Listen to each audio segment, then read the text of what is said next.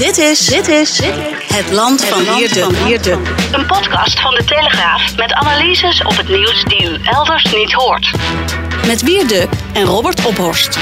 Het is donderdag 27 mei en we hebben een, eh, bomvolle aflevering. Want we gaan het onder andere hebben over het altijd brisante thema racisme. Mhm. Eh, we gaan het hebben over eh, een interview dat jij had, Wiert, met de vertrekkend uh, Israëlisch ambassadeur. Ehm, en we gaan het uitgebreid hebben over de, de uitspraak tegen Shell, die woensdag werd gedaan in de zaak. Die was aangespannen door onder andere Milieudefensie. Die baslijn hoorde ik trouwens pas nu net van het uh, nieuwe jingletje. Ja, dat moet jou als heel bassist fijn, ja. toch deugd doen. Ja, dat is echt een grote verbetering deze jingle. Dat moeten we onze producers van deze podcast een, uh, een, uh, een duim voor geven, zo heet het toch? Ja, veel lof ja, voor geven. En dat, dat weten de luisteraars niet. Maar toen er nog geen corona was, organiseerden wij het Telegraaf Songfestival. Tenminste, dat was Ja, een precies. traditie die ooit elk jaar was. Maar die is weer in ere hersteld met een... Ja.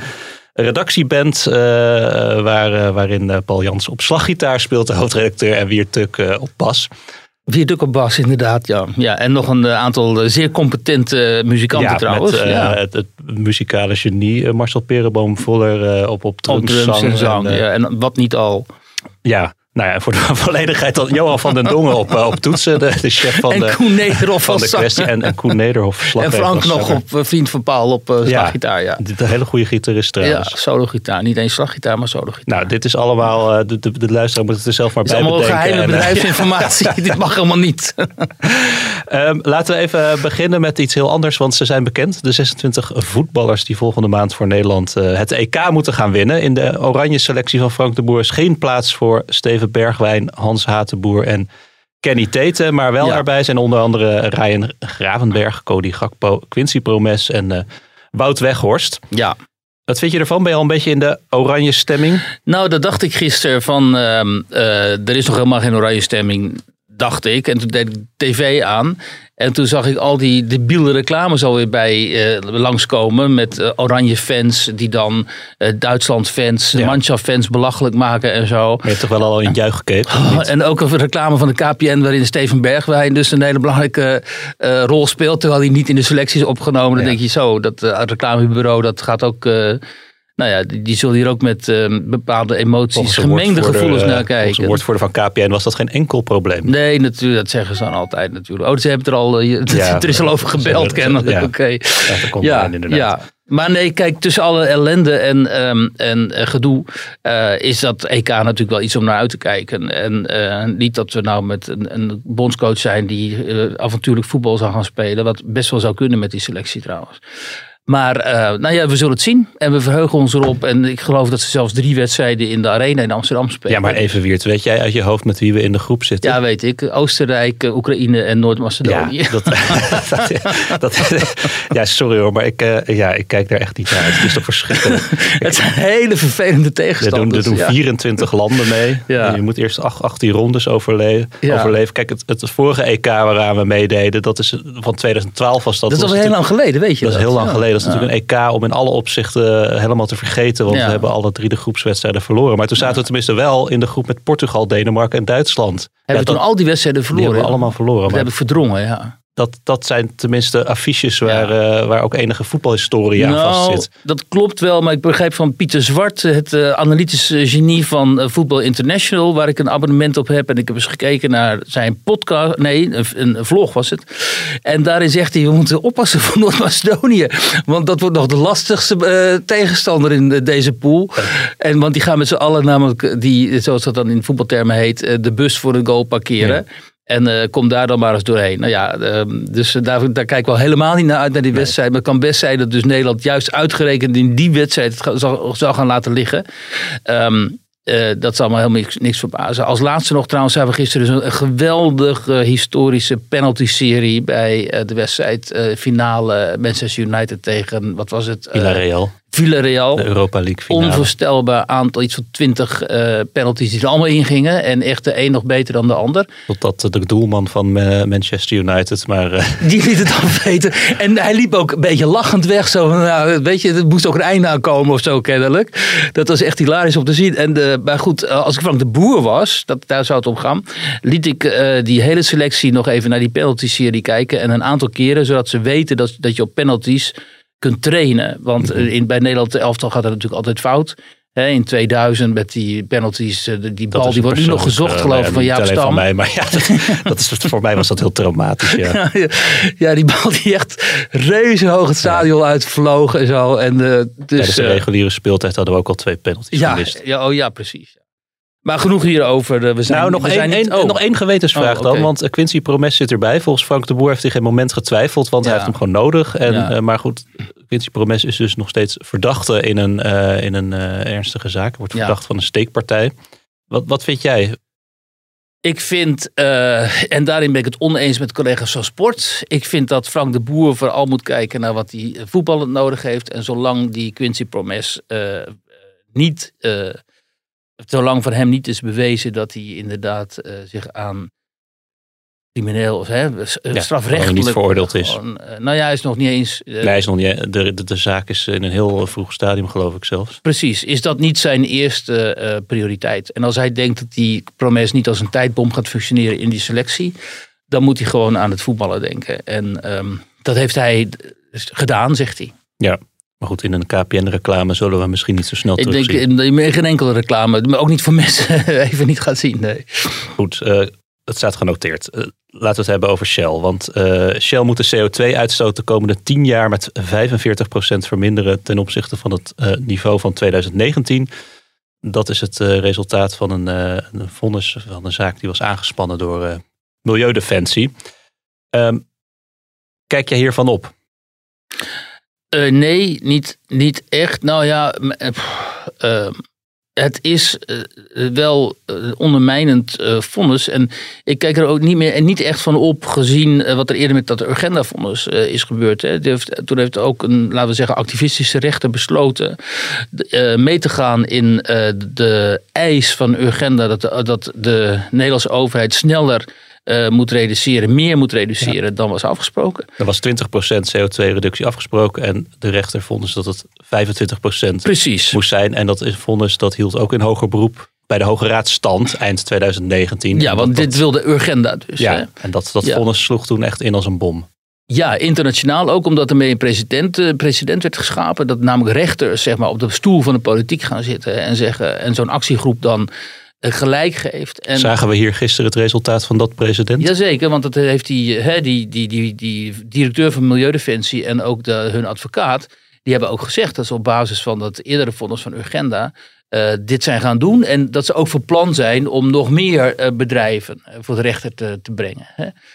Nou ja, en dan, dan wordt er dus eh, massaal wordt hier positief op gereageerd door linkse media, door linkse commentatoren en door, eh, politiek, Kamerleden. politiek ook Kamerleden die zeggen, ja, dat is allemaal fantastisch, want de toekomst van onze kinderen en zo en eh, hoi hoi. Ehm, terwijl hier dus fundamenteel iets ehm, zo, ehm, zo schuurt. Hè? Dat opnieuw rechters zijn gaan oordelen over iets waar ze in principe helemaal geen verstand van hebben. Namelijk klimaat. Hè? Die, hele discussie over het klimaat, eh, die is nog altijd... eh, en daar, daar zijn nog altijd geen definitieve conclusies uitgetrokken. We weten niet hoezeer het menselijk handelen eh, invloed heeft eh, op die Ja. wijze- klimaatswijziging. En bovendien leggen ze dus een soort fictieve norm die in de toekomst moet gaan gelden. Die leggen ze dus vast via de rechter. En dat zijn normen die zijn ontstaan door wielen en dealen van de politiek en de actiegroepen. Hè? Daar, daar, daar komt het eigenlijk op neer. Eh, vooral ook in dat uh, Urgenda-fonds. En uiteindelijk gaat zo'n actiegroep, die hoeveel mensen precies vertegenwoordigt, weten we niet. Die, gaat dus naar, die stapt dus naar die rechter toe. En die laat die rechter dus, die sympathiseert kennelijk met die actiegroep, eh, zo'n vonnis. ehm, die, rechter besluit al zo'n vonnis eh, af te geven. Waarin eh, helemaal geen rekening meer wordt gehouden met ehm, economische gevolgen. Hè, misschien eventueel baanverlies. Misschien gaat eh, Shell op basis hiervan wel zijn hoofdkantoor uit Nederland eh, verwijderen. Ehm, dus het, dit kan allemaal, eh, allemaal hele, in, hele ingrijpende sociaal-economische gevolgen Ja, hebben. want er wordt dan ook eh, verwezen naar, een centraal argument is dat, dat Shell de zor- een zorgplicht heeft en door de schadelijke uitstoot eh, veroorzaakt door zijn eh, olie- en gaswinning de universele rechten van de mens schaadt. Nou ja, dat is dus inderdaad het erg hieraan. Dat ze, dit, ze doen dit dus, en ze weten heel goed hoe cynisch dat is, met een beroep op de mensenrechten. hè. De mensenrechten zouden eh, worden geschaad als overheden en bedrijven zich niet houden aan bepaalde klimaatopgaves. Want wat jij zegt, dan komen dus onze kinderen, zeg maar, de levens van onze, Ja. onze kinderen, die worden dan. eh, Want inderdaad, over die kinderen in de Urgenda-zaak eh, tegen de Nederlandse staat heeft de rechtbank de positie ingenomen dat ze mag oordelen over het recht op leven en recht op een ongestoord gezinsleven. Nou, dat kan je natuurlijk heel breed interpreteren. echt, het is af en toe of in een soort surrealistische parallel universum terecht zijn gekomen. Hè? Het, dit is allemaal gebaseerd op aannames. En deze aannames die komen uit de koker van die activistische milieu-klimaatbeweging. Ehm, daar is ook van alles tegen in te, te brengen. Het, is, het is niet zo dat klimaatwijziging niet zou bestaan. Maar de manier waarop zich dat voltrekt en of we daar überhaupt iets aan kunnen doen en wat we daar precies aan kunnen doen en zo. Dat is nog allemaal niet, eh, daarover bestaan nog helemaal geen, consensus. Maar deze mensen, en dat is ook bezwaarlijke, deze mensen doen alsof over hun wereldbeeld wel consensus eh, bestaat. In die tijd van het Urgenda-vonnis sprak ik daarover met ehm, Jos eh, Teunissen, emeritus hoogleraar, die zich hier enorm druk over maakt. En dat doet hij ook heel goed. Ehm, en ik ga even citeren wat hij daar eh, destijds over, over zei. Kijk, Teunissen die zei toen, de redenering die deze mensen volgen is, wij hebben de waarheid in pacht. Er is geen tijd meer, we moeten nu iets doen. En precies die 25 procent, daar ging het destijds over, moet worden gereduceerd, geen procent minder. En de rechters gaan daarin mee, omdat ze er kennelijk ook van overtuigd zijn dat dit zo is. En burgers met een andere mening hebben een verkeerd bewustzijn, zoals het heet, en moet worden heropgevoed in het juiste denken. Dat is precies de manier waarop autoritaire regimes redeneren. En dat is ook zo. En als ik dan gisteren die meneer van Milieudefensie met die hoed daar zie staan Do- juichen. Donald Pols is dat eh, de directeur van de Precies. Milieudefensie. Die komt er dan juichend, die, die, loopt hij daar door die rechtbank, weet ik. En andere mensen die helemaal staan te springen en te huilen en zo. En iemand als Shaila Sital zingt, dat weer zo'n larmoyant verhaal vandaag in de Volkskrant. Precies, volgens columnist over onze kinderen zijn gered en zo.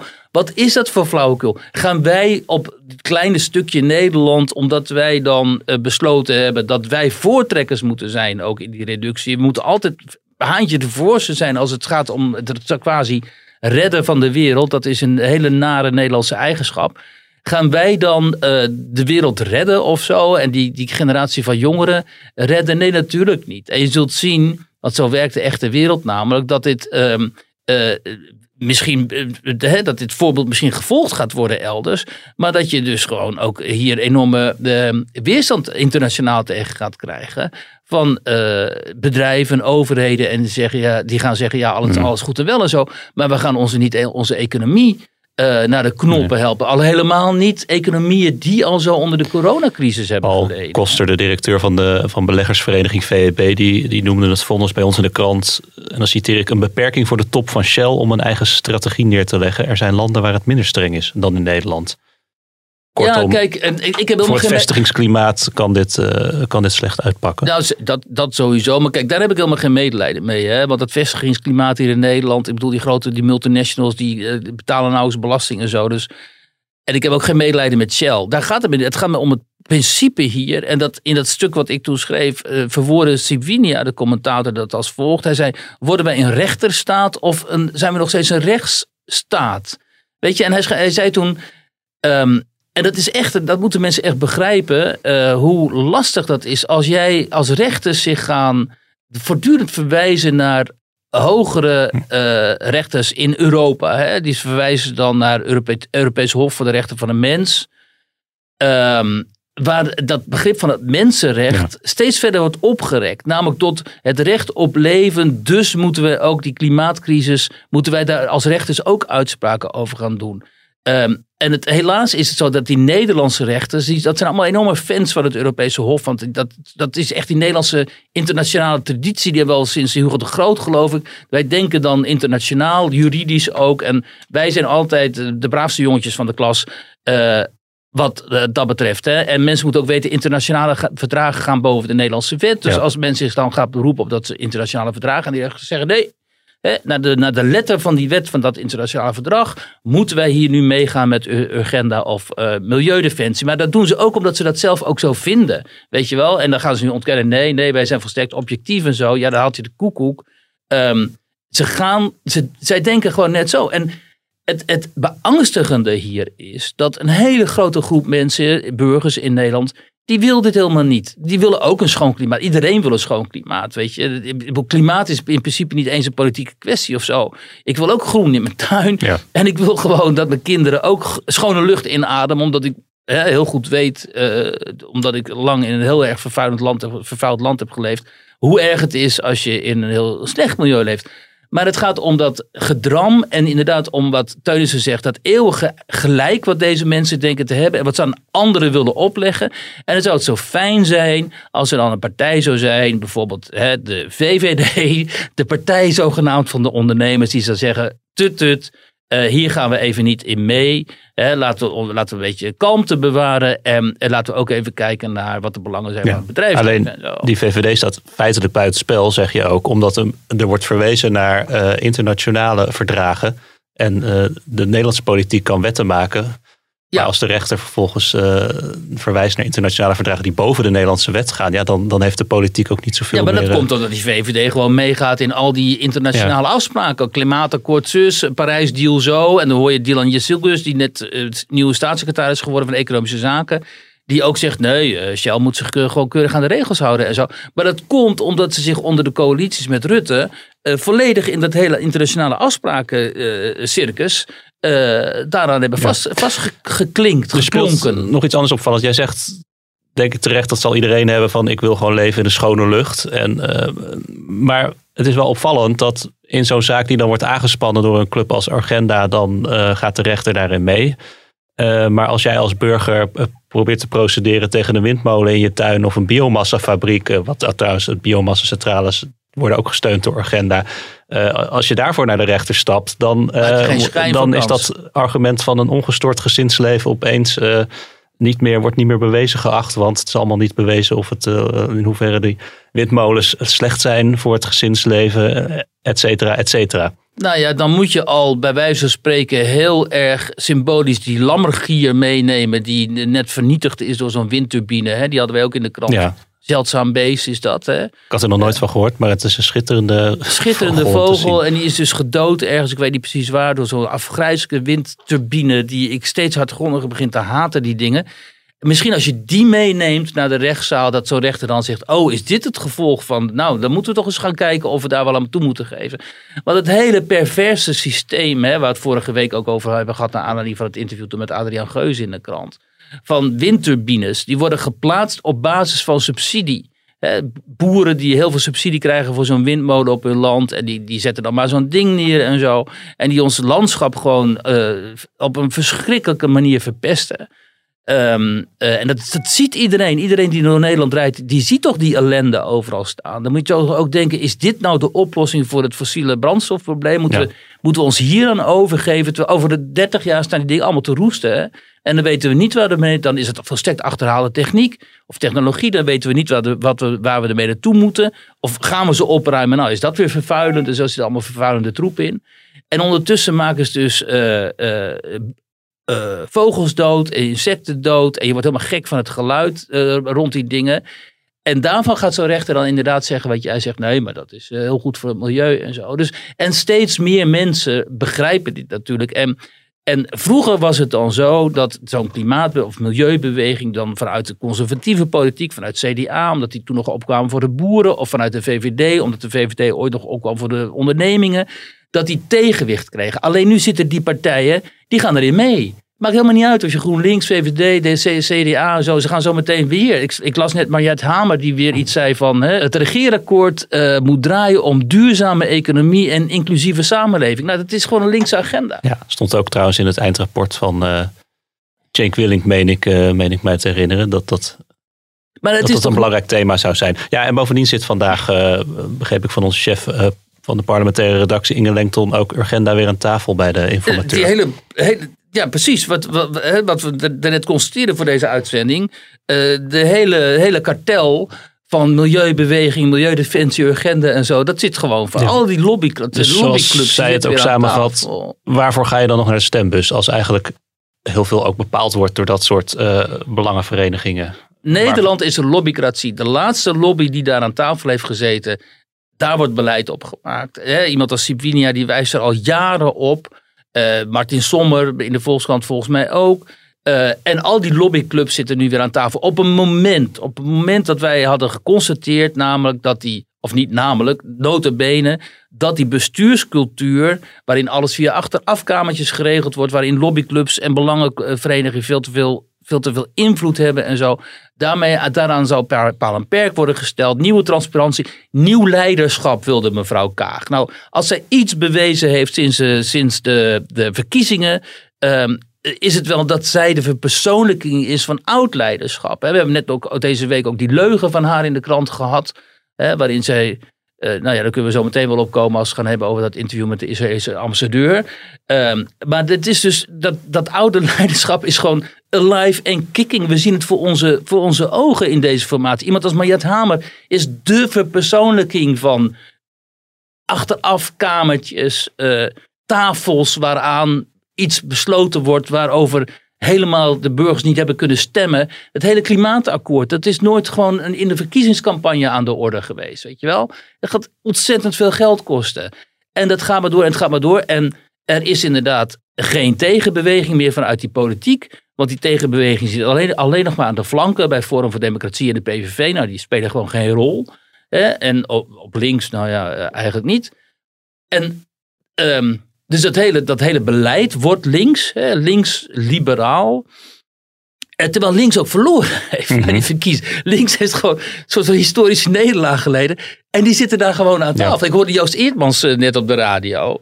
Die mocht ook aanschuiven in een soort verliezerskolonne bij, de, bij de, deze gesprekken. En die zegt, nou ten eerste weet ik helemaal niet wat ik hier doe. Want uh, ja, kennelijk is het een soort, hij noemde het een soort af, afhecht gesprek. Dat is alweer van die verschrikkelijke ambtelijke taal die Eertmans kennelijk ook heel goed kent. Het klinkt heel definitief. Even afhechten, zo van wij doen niet meer mee. En uh, hij zei, ik ben er wel over verbaasd dat ik dan uh, zeg maar bij de kopgroep, uh, waar, die, waar de coalitie uit gaat voorkomen, dat de SP daar gewoon zit. En dat is ook raar natuurlijk. En het, het, feit dat Kaag per se wil dat Partij van de Arbeid en GroenLinks dan ook aanschuiven in zo'n coalitie waar niemand om gevraagd heeft. Ja, D66 heeft er misschien om gevraagd, maar verder van al die burgers die er iets ten rechterzijde van D66 hebben gestemd, dus van CDA tot zeg maar VVD, eh, FVD en PVV, niemand van die mensen heeft gevraagd om een coalitie met Partij van de Arbeid en GroenLinks. En zometeen gaat het er nog komen ook. En dan moet je echt gaan afvragen, hoe kan dit? Hè? Hoe, hoe kan dit dat, dat zo gewoon totaal niet naar uh, de burgers wordt geluisterd. En dat, ik gooi dit soort dingen ook wel eens op Twitter. En dan krijg ik allemaal van die bedweters uh, tegenover me die dan zeggen: ja, maar uh, het heeft, deze coalitie heeft zo'n zo'n coalitie heeft toch een meerderheid in het parlement. En dan gaan we dus vanuit dat dat dan oké is. Terwijl wat deze mensen moeten beseffen is waar zij normaal gesproken altijd mee schermen, is dat in een coalitie, in een democratie ook de belangen van de minderheden gewaarborgd zijn. Dat je ook kijkt naar de minderheden. Nou, nu is de centrumrechtse kiezer niet eens een minderheid, maar een meerderheid. En die doet alleen maar niet mee in een coalitie, omdat Forum voor Democratie en Partij van eh, PVV worden uitgesloten. Dus dan zou het wel fijn zijn als in de coalitievorming, in ieder geval nog met deze mensen, hè, die in gewoon een, een, een in ieder geval de helft van de bevolking of zo, van de kiezers vertegenwoordigen, een beetje rekening met hun wordt gehouden. Maar niet. En dan kunnen we afsluiten. En hoe komt dat? Precies om wat Teunissen zegt. Omdat deze mensen, en het geldt van eh, tegenwoordig van VVD tot aan eh, SP, die zijn ervan overtuigd dat hun wereldbeeld het enige juiste is. En dat als wij andere mensen daarin niet meekomen, dat wij moeten worden heropgevoed. Ehm, en dat het tijd is om dat, eh, hoe noemde Teunissen nou, dat ehm, bewustzijn, het verkeerde bewustzijn, dit is Maoïstische taal, hè? het verkeerde bewustzijn af te leggen en je te bekennen tot de kennelijk links-liberaal groene kerk. Daar komt het op uh, neer. En uh, dat is wat wij nu voor onze ogen zien voltrekken. En ja, ik kan me steeds beter voorstellen uh, hoe, hoe frustrerend dit voor heel mensen, veel mensen is. Dat bleek ook wel uit een tweet die ik jou nog even had gestuurd daarnet um, om de uitzending eigenlijk mee te beginnen. In al mijn frustratie schreef ik van hoe de kiezer ook stemt en wat de bevolking in meerderheid ook wil. Het doet er niet toe. U krijgt de agenda's van Urgenda, Milieudefensie, Black Lives Matter en nog een hele rits lobby- en actieclubs over u uitgerold en de rekening komt bij de kiezer.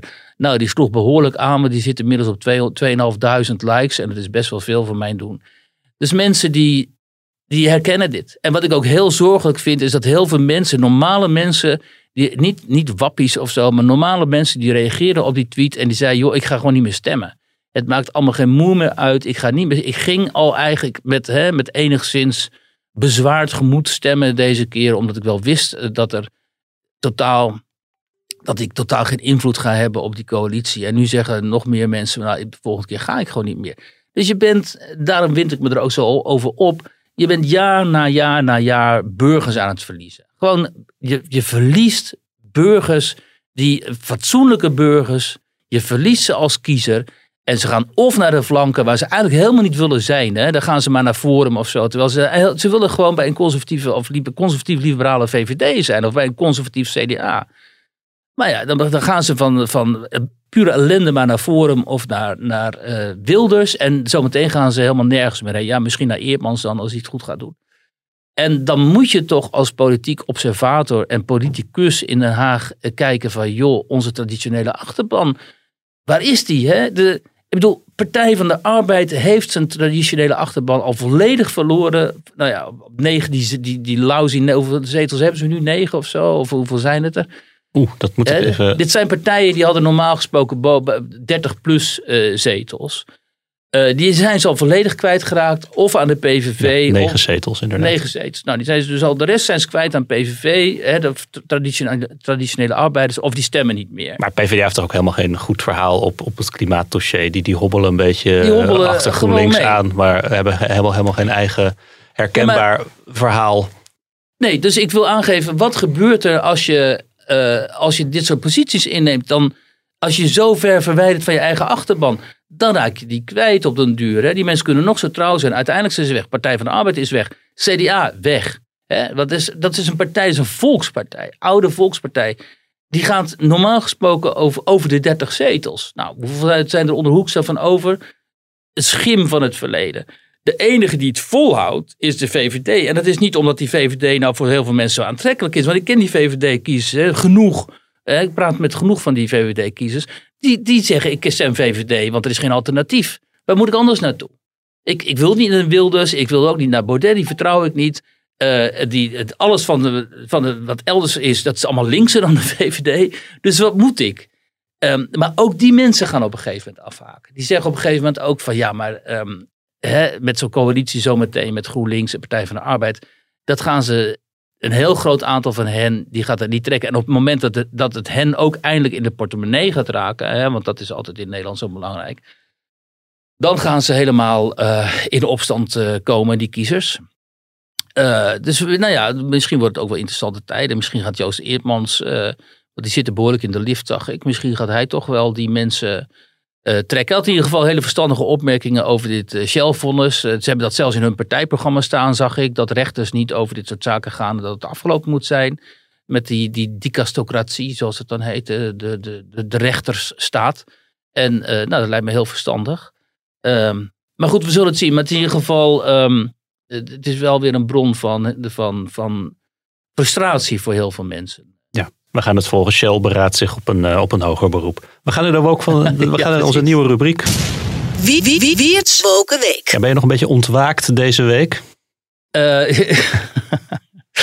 Zeker, zeker, zeker. Vooral toen ik een, een, een verhaal las over een uh, sessie bij Lockheed Martin, wat toch de grootste uh, defensiebedrijf uh, is in de Verenigde Staten. Die hebben hun key executives, zoals dat heet, naar een driedaags white male re-education camp gestuurd. Dus een heropvoedingskamp voor witte mannen. Voor de leidinggevende. Een leidinggevende inderdaad. Uh, voor, ja, precies, voor de leidinggevende in dit geval. Uh, met als doel hun white male culture, dus hun witte mannelijke cultuur en hun witte mannelijke privilege te deconstrueren, to deconstruct. En het is zo mooi omdat dat deconstructivisme, dat weten heel veel mensen waarschijnlijk niet, dat hoeft ook niet.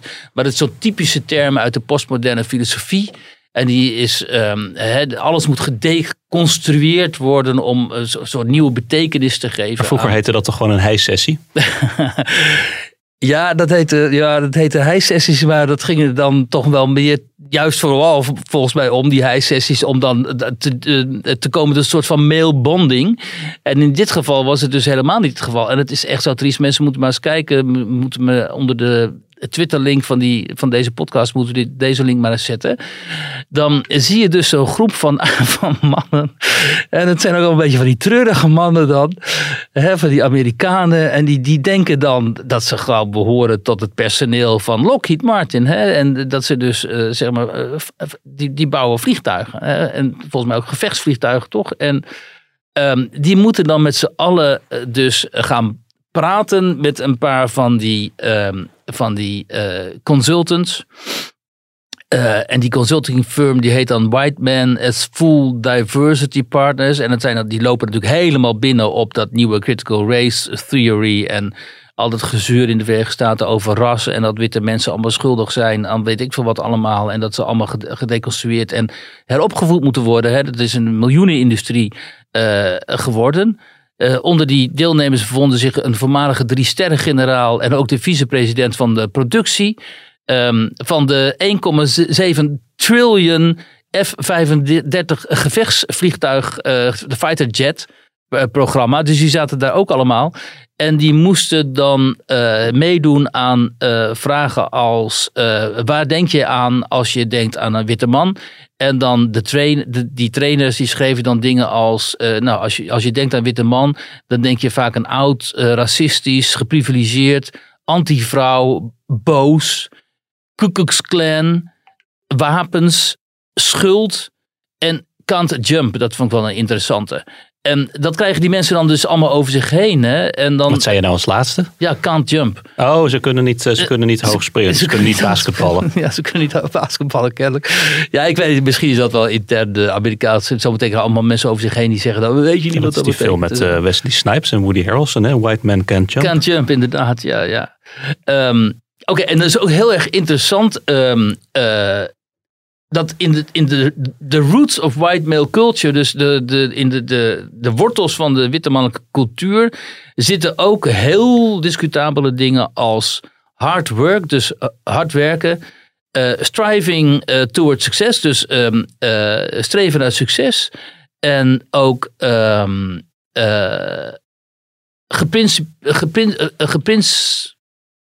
geprincipieel optreden, principieel optreden. En al dit soort eigenschappen, als je die hebt, dus als blanke man, die zijn verwoestend voor vrouwen en voor minderheden.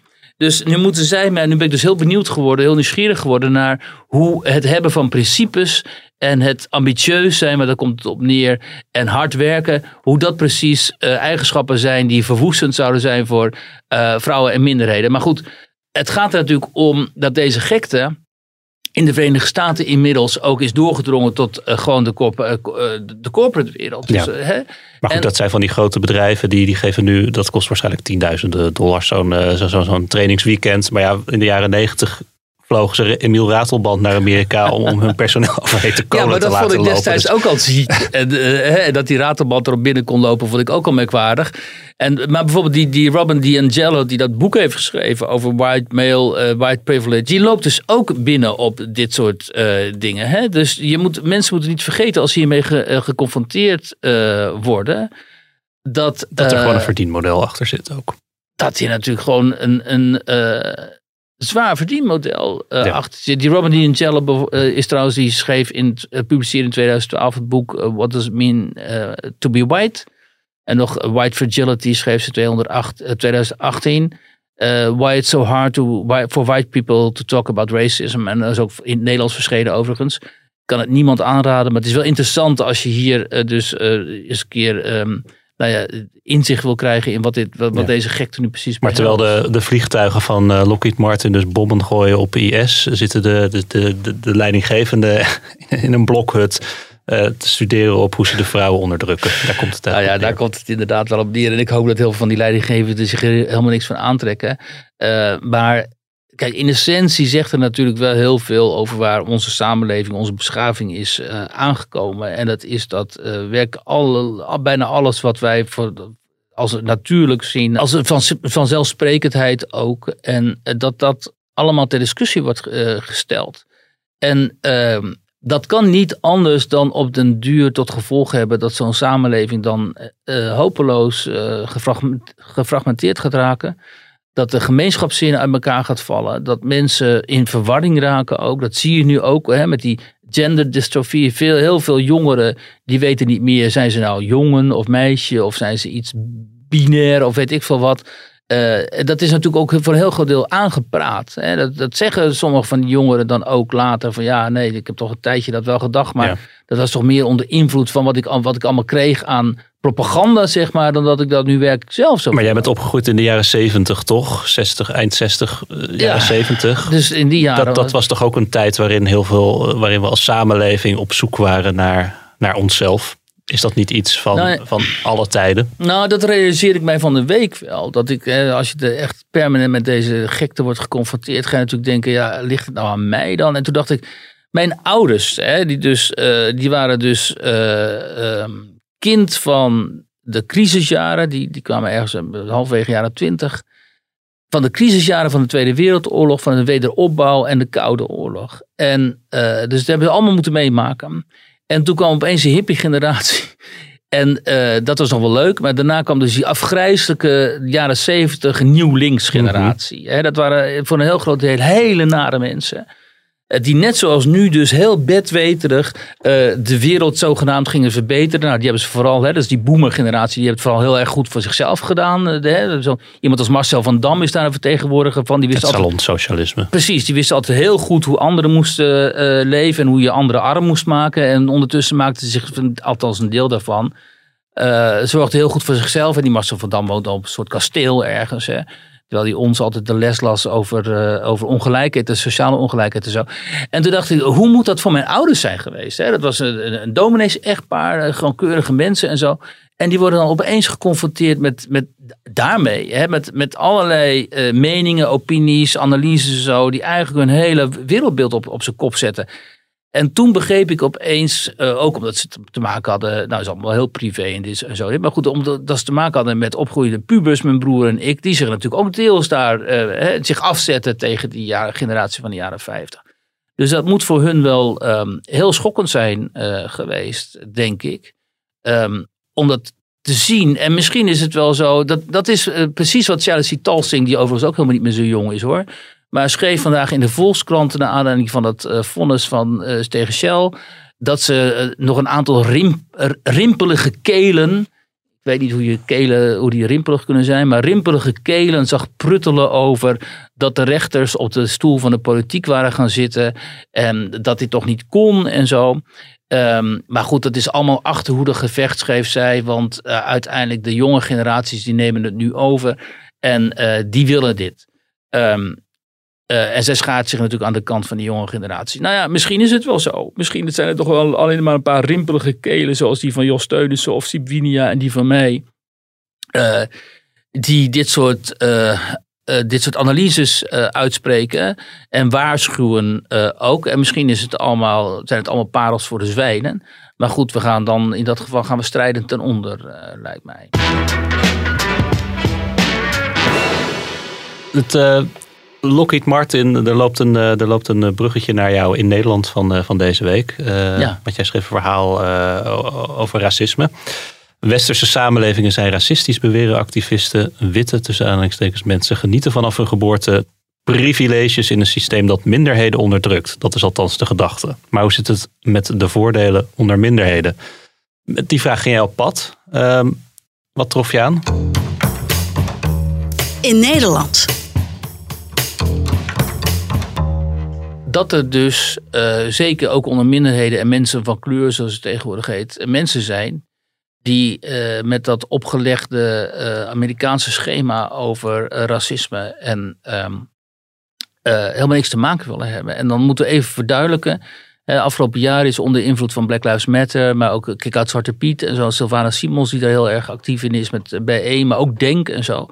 is een heel schema over etnische groepen en uh, over uh, blanken, blanke meerderheden, uh, geprojecteerd op de, vanuit Amerika op de situatie in uh, Europa. En dat, hè, dan kom je uit bij die klassieke, die, die kritische rassentheorie, dus die, die critical race theory. Waar ja, we leg, leg dat nog even in, in twee zinnen uit wat ja. dat nou precies inhoudt. Nou ja, dat gaat er dus over. En dat, is, dat komt natuurlijk voor een heel groot deel voort uit die Amerikaanse ervaring. Hè, met die grote groepen zwarten die daar uh, slachtoffer zijn geweest. Althans hun voorouders van de slavernij.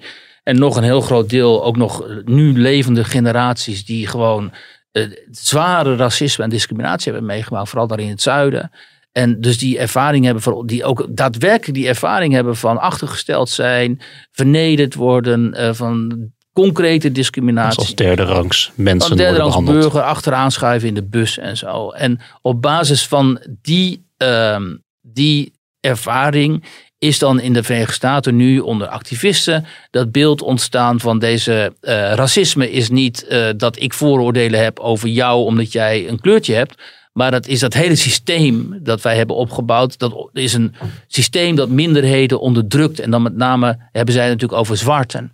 En eh, dat is ook hun ervaring. Die, Amerikaanse samenleving is natuurlijk ook voor een heel groot deel tot, tot nog in de jaren zeventig onderdrukkend geweest en discriminerend voor die zwarte bevolking.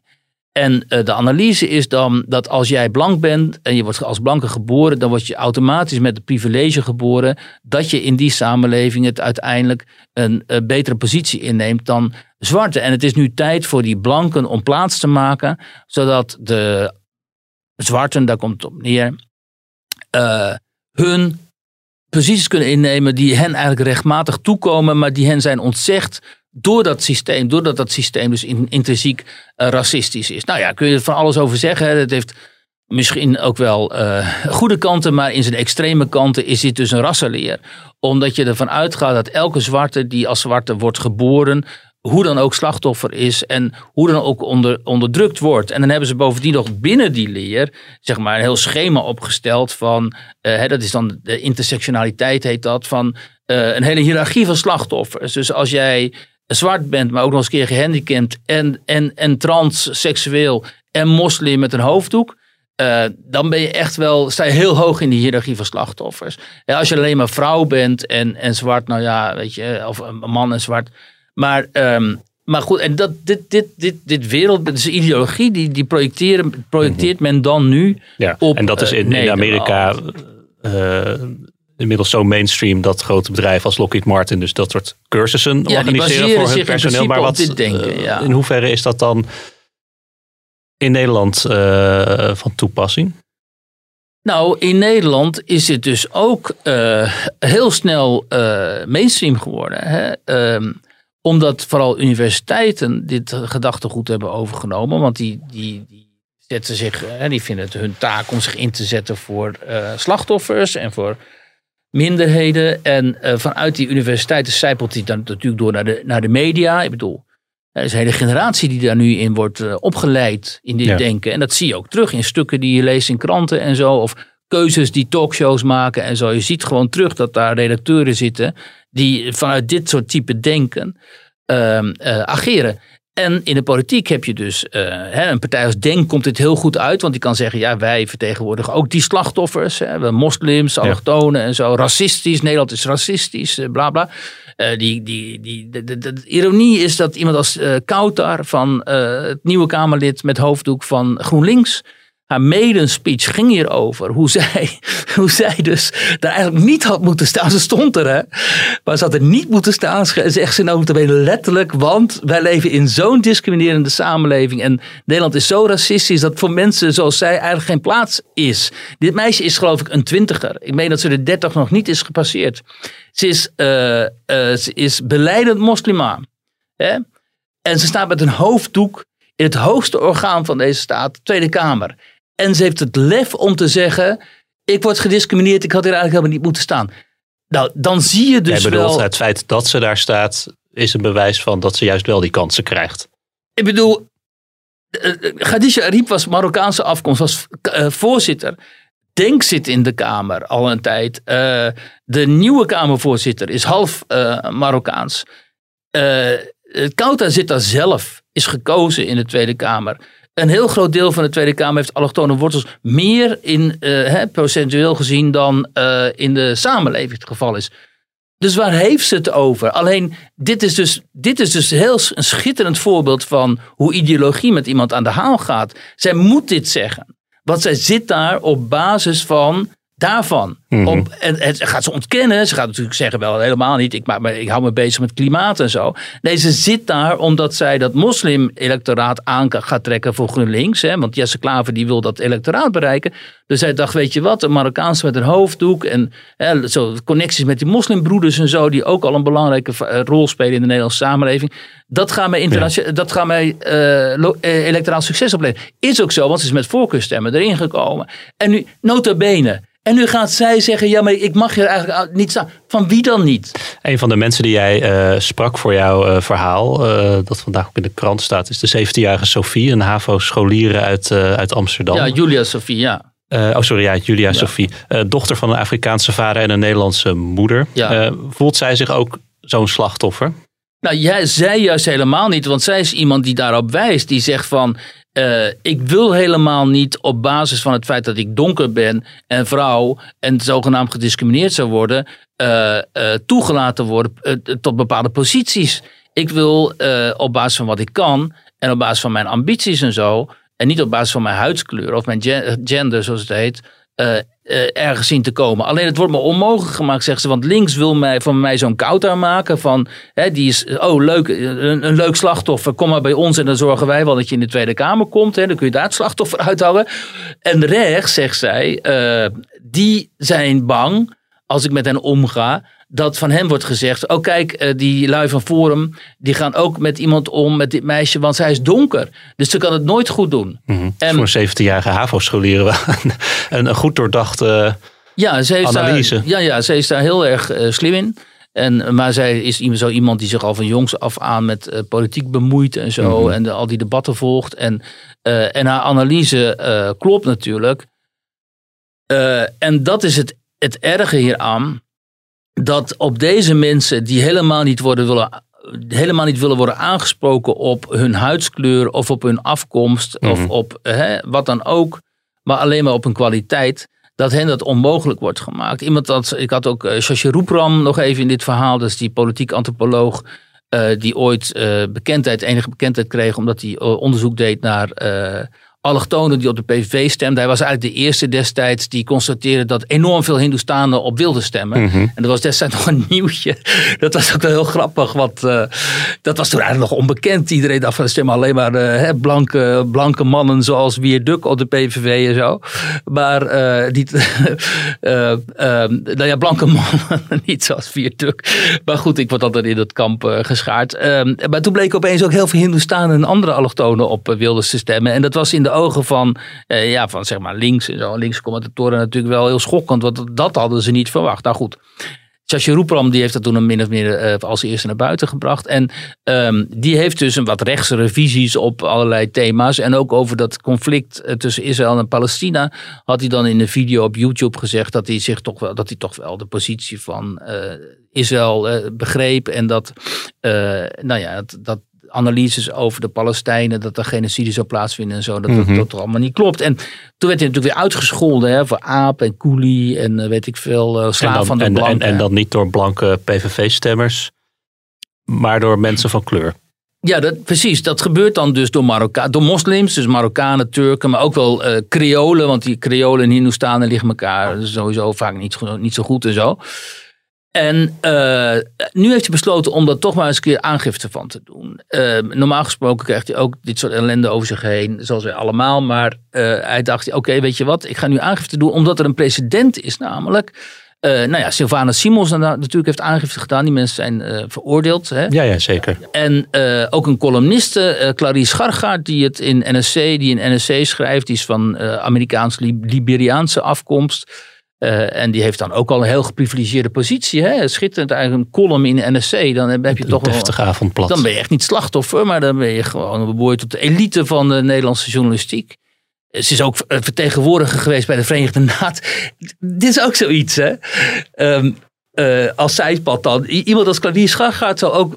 De hele, elke column van haar gaat over hoe haar etniciteit van haar een slachtoffer maakt. En van mensen zoals zij. Terwijl ze is notabene door Sigrid Kaag uh, uitgestuurd naar de Verenigde Naties om Nederland daar te vertegenwoordigen.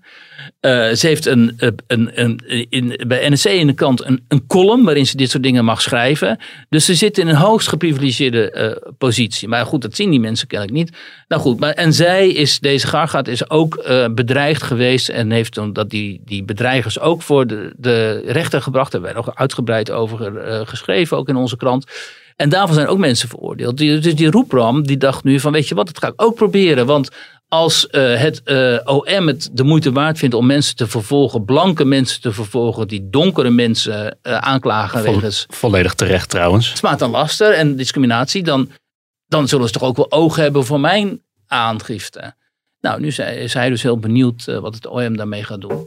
En we zullen het zien. Maar die blinde vlek is natuurlijk echt zo interessant. Hè? Dat um, een aantal van die hoog succesvolle allochtonen, die eigenlijk bewijs vormen dat je in Nederland eh, op hele hoge posities mm. terecht kunt komen als je gewoon je best doet.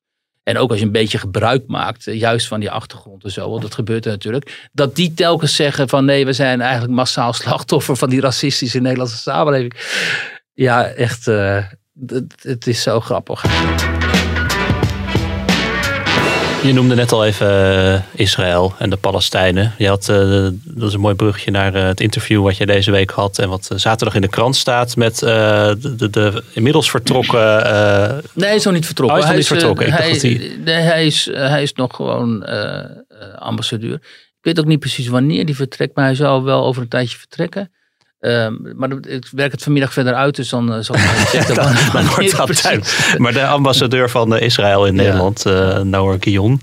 Um, het is natuurlijk een hele, niet dat het ooit echt rustig is in zijn vaderland, maar het is een hele roerige periode weer voor Israël. Maar het is ook een roerige periode in Nederland met, met, met demonstraties, pro-Palestijnse demonstraties ook, waarbij uh, antisemitische uh, teksten door de straten schalden. Met wat voor gevoel kijkt hij nu eigenlijk naar Nederland? Nou, met heel veel, met heel gemengde gevoelens. Hè. Aan de ene kant refereert hij natuurlijk als diplomaat aan het feit dat Nederland in de recente geschiedenis altijd een trouwe vriend van Nederland is, van Israël is geweest. in 1973 nog werd Nederland namelijk notabene onder de linkse kabinet Den Uyl getroffen door een uh, olieboycott vanwege de steun die het land gaf aan uh, Israël. Maar zegt hij, dat is inmiddels wel behoorlijk veranderd. En dat komt natuurlijk doordat de generatie van de holocaust uh, overlevers en mensen, Nederlanders ook die de holocaust, die de oorlog hebben meegemaakt, uitsterft. Zijn eigen vader is een holocaust survivor, zoals het heet. En die is inmiddels ook al 86. Uh, en uh, constateert hij ook, en door de import van uh, antisemitisme uit het Midden-Oosten, omdat met de komst van Noord-Afrikanen, maar ook Turken en nu heel veel Syriërs en zo, -hmm. daarmee importeer je ook automatisch antisemitisme. Want dat is in, die, in, die, in islamitische kringen is dat iets, een sentiment dat toch wel uh, woekert, laten we het zo zeggen. En uh, ja, daar kijkt u natuurlijk met uh, grote zorg naar, omdat het niet alleen voor Nederland geldt, maar voor ook Duitsland, Frankrijk, naar heel Europa natuurlijk, hè, België. UK, echt overal. Dus voor Joden is, dat, is dit een hele. Voor Joden in Europa is dit een heel gevaarlijke maar tijd. voelt hij zich nog veilig in Nederland? Ja, um, jawel. En ook omdat hij zegt: luister eens, wij zijn natuurlijk opgegroeid met gevaar. Hè? Hij Heeft zelf vier jaar in dienst gezeten. En hij zegt ook zelf, ik, ja, groeide op met altijd gevaar van oorlog en raketten. En mijn kinderen groeien zo op. En nu mijn kleinkinderen. Mijn kleinkinderen moeten nu ook rennen voor die raketten s'nachts en naar de schuilkelders en zo. Dus uh, this is what we do. Hij zegt ook van ja, het is uh, vechten of uh, het, in, in onze situatie is het of je vecht of je gaat dood.